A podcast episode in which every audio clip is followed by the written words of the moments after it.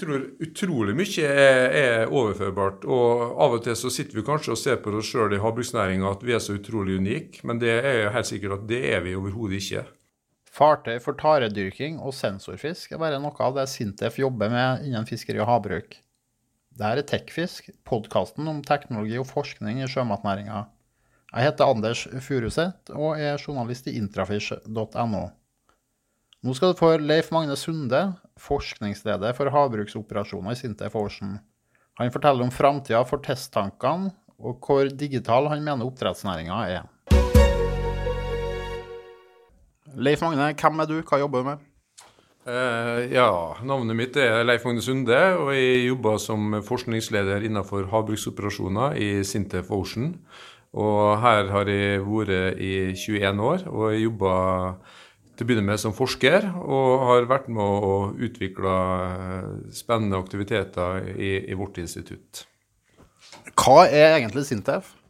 Sintef det er jo eh, et, eh, en stor aktør innenfor forskning i, i, i, Norge, men også i verden. Vi er jo eh, omtrent 2000 ansatte i Sintef. Vi omsetter for 3,2 milliarder. og og vi er en betydelig forskningsinstitusjon som eh, har sitt utspring fra NTH eh, i 1950.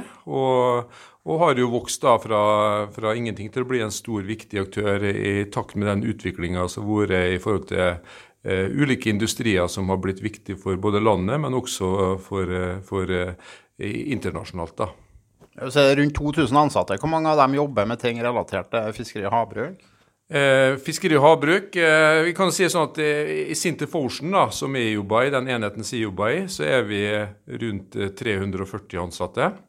Og eh, innenfor havbruk og fiskeri så har vi jo ei avdeling som heter sjømatteknologi. Den er rundt 90 ansatte. Så sånn, hvis vi skal si det litt sånn røft, så tenker vi totalt kan si at vi er borti 120 stykker som jobber mot fiskeri- og havbruksnæringa ganske direkte. Ja, Sintef har et tyngdepunkt her i Trondheim, men dere har òg avdelinger andre steder i Norge? Og i utlandet òg, stemmer det? Det stemmer det. Vi har jo hovedaktivitetene våre her i Trondheim. Eh, det er jo her vi har eh, mesteparten av folket vårt. Det her har vi òg infrastrukturen som er på, på Tyholt, i tillegg til en del marine fasiliteter her nede på Brattøra. Vi har òg Eh, viktig infrastruktur i Hirtshals eh, med en flumtank der. En ganske unikt basseng som vi bruker mye både til fiskeri- og havbruks eh, eh teknologiforskning. Eh, samtidig så har vi også litt mer perifere aktiviteter. På, på Frøya har vi et, en aktivitet innenfor ACE, som er en fullskala testfasilitet der vi kan arbeide ute på, på merdkanten under realistiske forhold. Og vi har også aktiviteter i, i Ålesund og i, i, i Tromsø.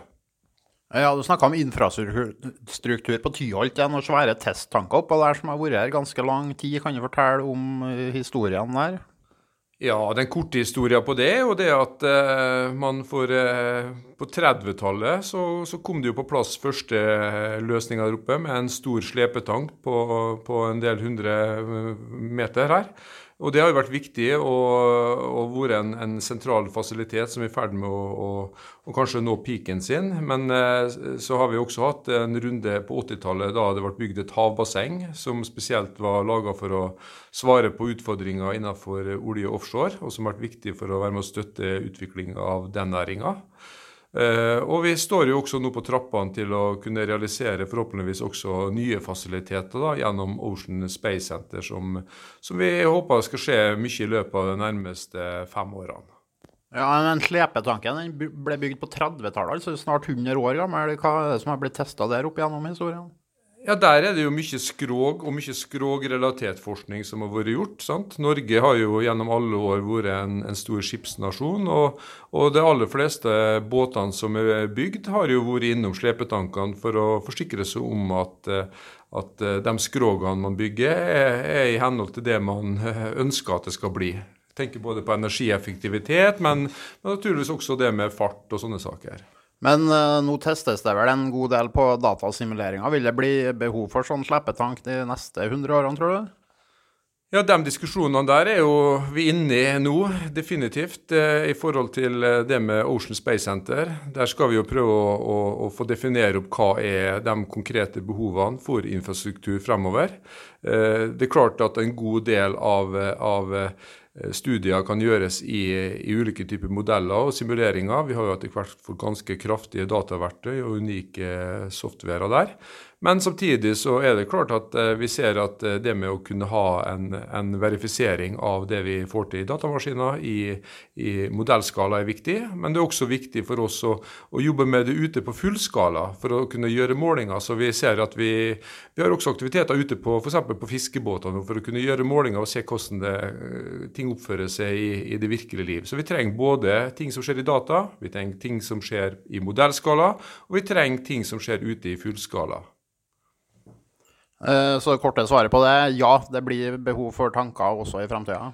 Ja, jeg tror vi har behov for tanker. Og spørsmålet er jo mer hvilken utforming de skal ha. sant? Og vi ser jo også det at eh, man er i ferd med å etablere mer hybrider òg, der man kan bruke tanker og koble det sammen med modellering òg. Så, så, det er veldig mye som skjer nå i en sånn eh, sammensmelting med, med nye typer teknologier. Så, så vi vi har folk som jobber tungt for å prøve å finne ut hva, hva trenger vi nå virkelig for de neste, neste 50-100 årene på infrastruktursida.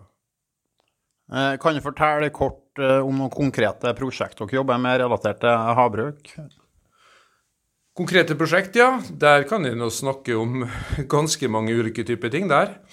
Vi har jo eh, f.eks. en del prosjekter nå som begynner å gå inn i avslutningsfasen. Jeg vil peke spesielt på et spennende prosjekt som er innenfor det med taredyrkingsfartøy. Eh, taredyrking er jo et, eh, et, område som mange spår vil komme opp. Og vi har gjennom eh, samarbeid med industri og forskningsråd arbeidet med å se på hva type konsepter for å ha på plass gode fartøy som kan være egnet til å håndtere en framtidig industriell dyrking av tare. Det er et veldig godt eksempel. som er et eksempel også der næring og forskning går sammen på en tidlig fase for å prøve å, å, å komme litt på offensiven og litt framom den situasjonen som man vil komme, komme inn i. Forhåpentligvis etter hvert når tare tar altså som arter. Eh, vi har også andre prosjekter. Jeg vil kanskje spesielt peke på et prosjekt som vi har fått veldig god tilbakemelding fra industrien på. Eh, det såkalte eh, sensorfiskprosjektene. Kvalysys, et prosjekt som har vært finansiert av Forskningsfondet, FHF. Og der har vi jo brukt en del ressurser på å utvikle et unikt instrument som vi kan sende gjennom avlusningsmaskiner for å avriste hemmelighetene og hva som skjer i en sånn type system. Kunne bruke det til å forbedre design av sånne type løsninger, slik at vi kan gjøre avlusninga på en bedre måte. Eh, og forhåpentligvis også være med å redusere dødelighet og skader som blir påført eh, laksen i sånne type operasjoner. Ja, den sensorfisken har vi jo skrevet om. Det er sånn sylinderforma gul enhet du sender gjennom avløsningssystemet. avlusningssystemet. Er det her i bruk noe kommersielt, eller hvordan er status for det?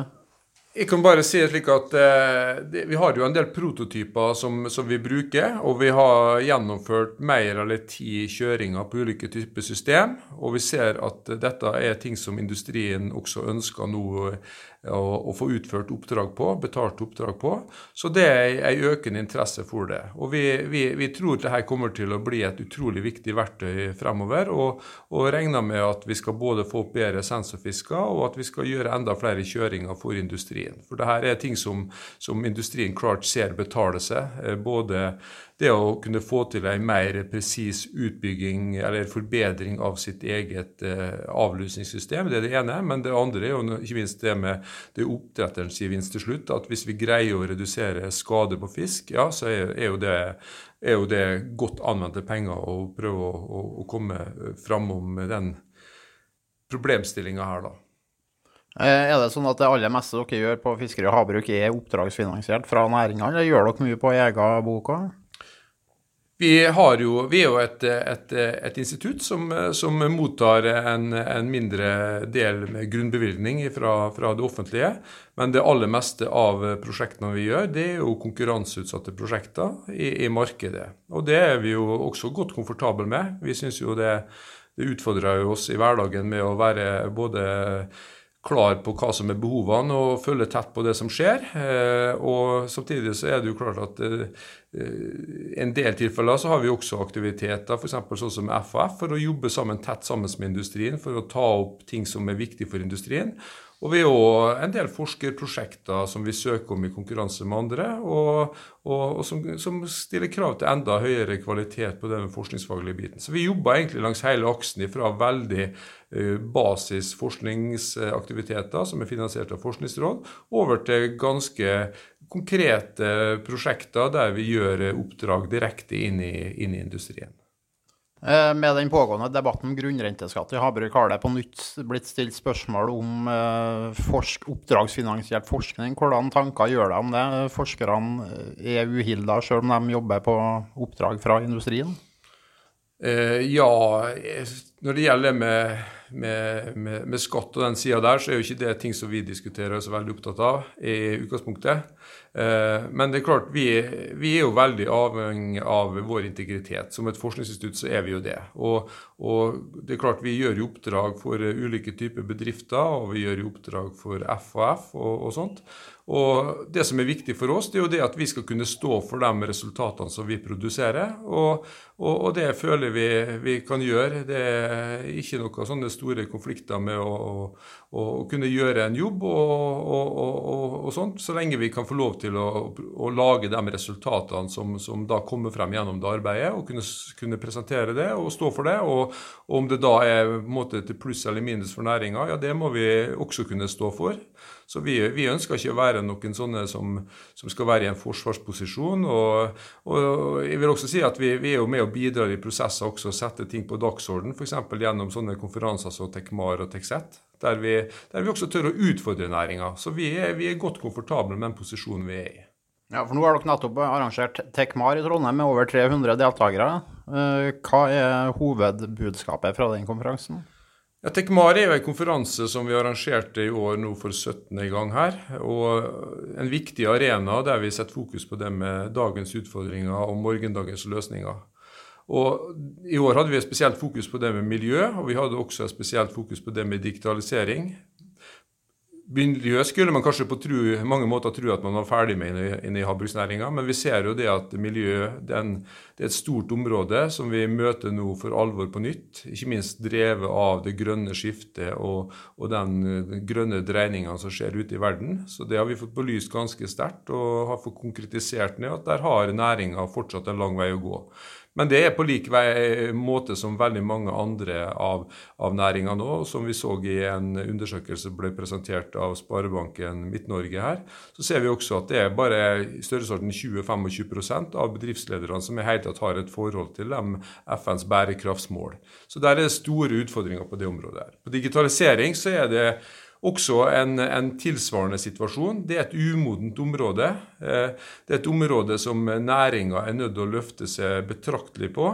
Eh, vi fikk til en god del diskusjoner rundt det der i går på, på konferansen. Men vi, vi, ser jo det at det er fortsatt en god vei å gå før vi greier å få samla Norge til et sånt eh, digitalisert eh, lakserike. Og vi må opp på det nivået. Vi må greie å samle Norge til et, til et godt lag. Eh, og, og, og, og, sånn at vi har på en måte noe vi kan bygge, bygge, bygge framtidens næring på.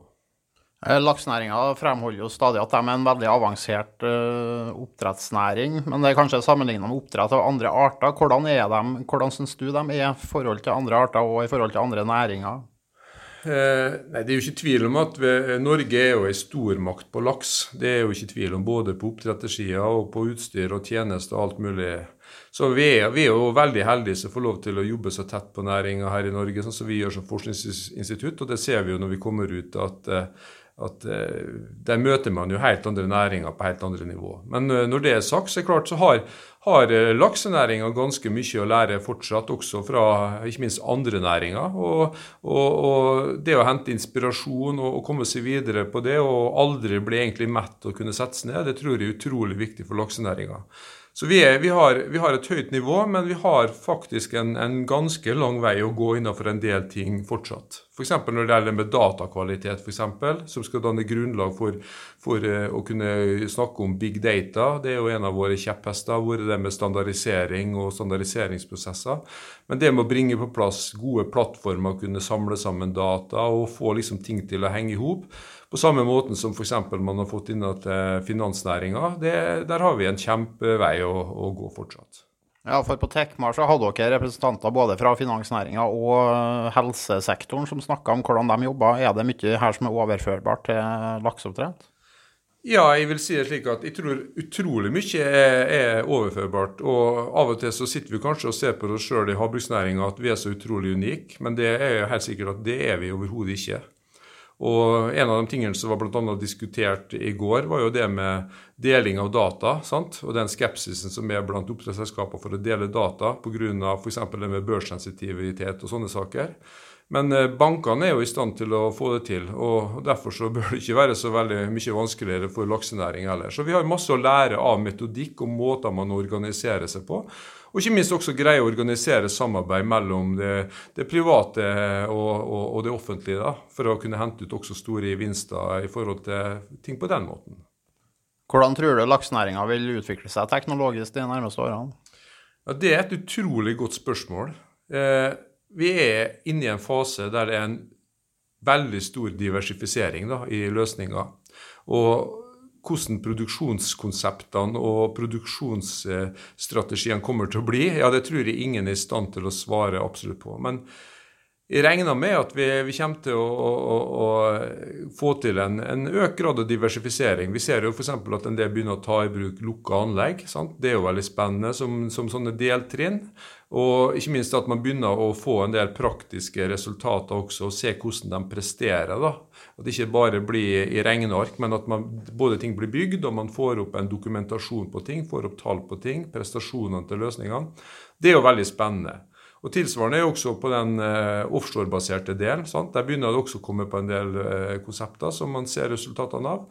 Og Så blir det litt opp til framtida å vise da, hva som står igjen til slutt. Eh, om det blir store, sånne superstore anlegg og kjempeinvesteringer, eller om det blir på en måte eh, lukka systemer. Det, det, det, er et svar som, som, blir utrolig interessant å følge de neste ti årene, og, og se hva som blir stående igjen av det her. Ja, Det er vel ikke bare teknologien som avgjør det, det er vel også politiske føringer her. Men tror du vi driver lukke, åpne produksjon i åpne merder i sjø i Norge om ti år? Ja, jeg både tror og jeg håper det. Eh, fornuften vil tilsi at det vil gjøre det. Men eh, samtidig så kan det godt være at vi deler av landet, eller at vi må tenke annerledes. F.eks. med å bruke lukka løsninger som verktøy for å, for å, kunne håndtere sykdom og lus og forskjellige problemstillinger på en helt annen måte. Det tror jeg vi må kunne gjøre. At vi ikke nødvendigvis at vi er at det er en, eh, en, løsning som passer absolutt alle plasser. Det, men der må jo hver teknologi vise sine kvaliteter og sin robusthet for å levere det man da på en måte påstår systemene skal være. Eh, så hvis vi skal bruke hele landet, så må vi kanskje bruke en miks av ulike typer teknologier, inkludert det som skjer på landbaserte eh, sider.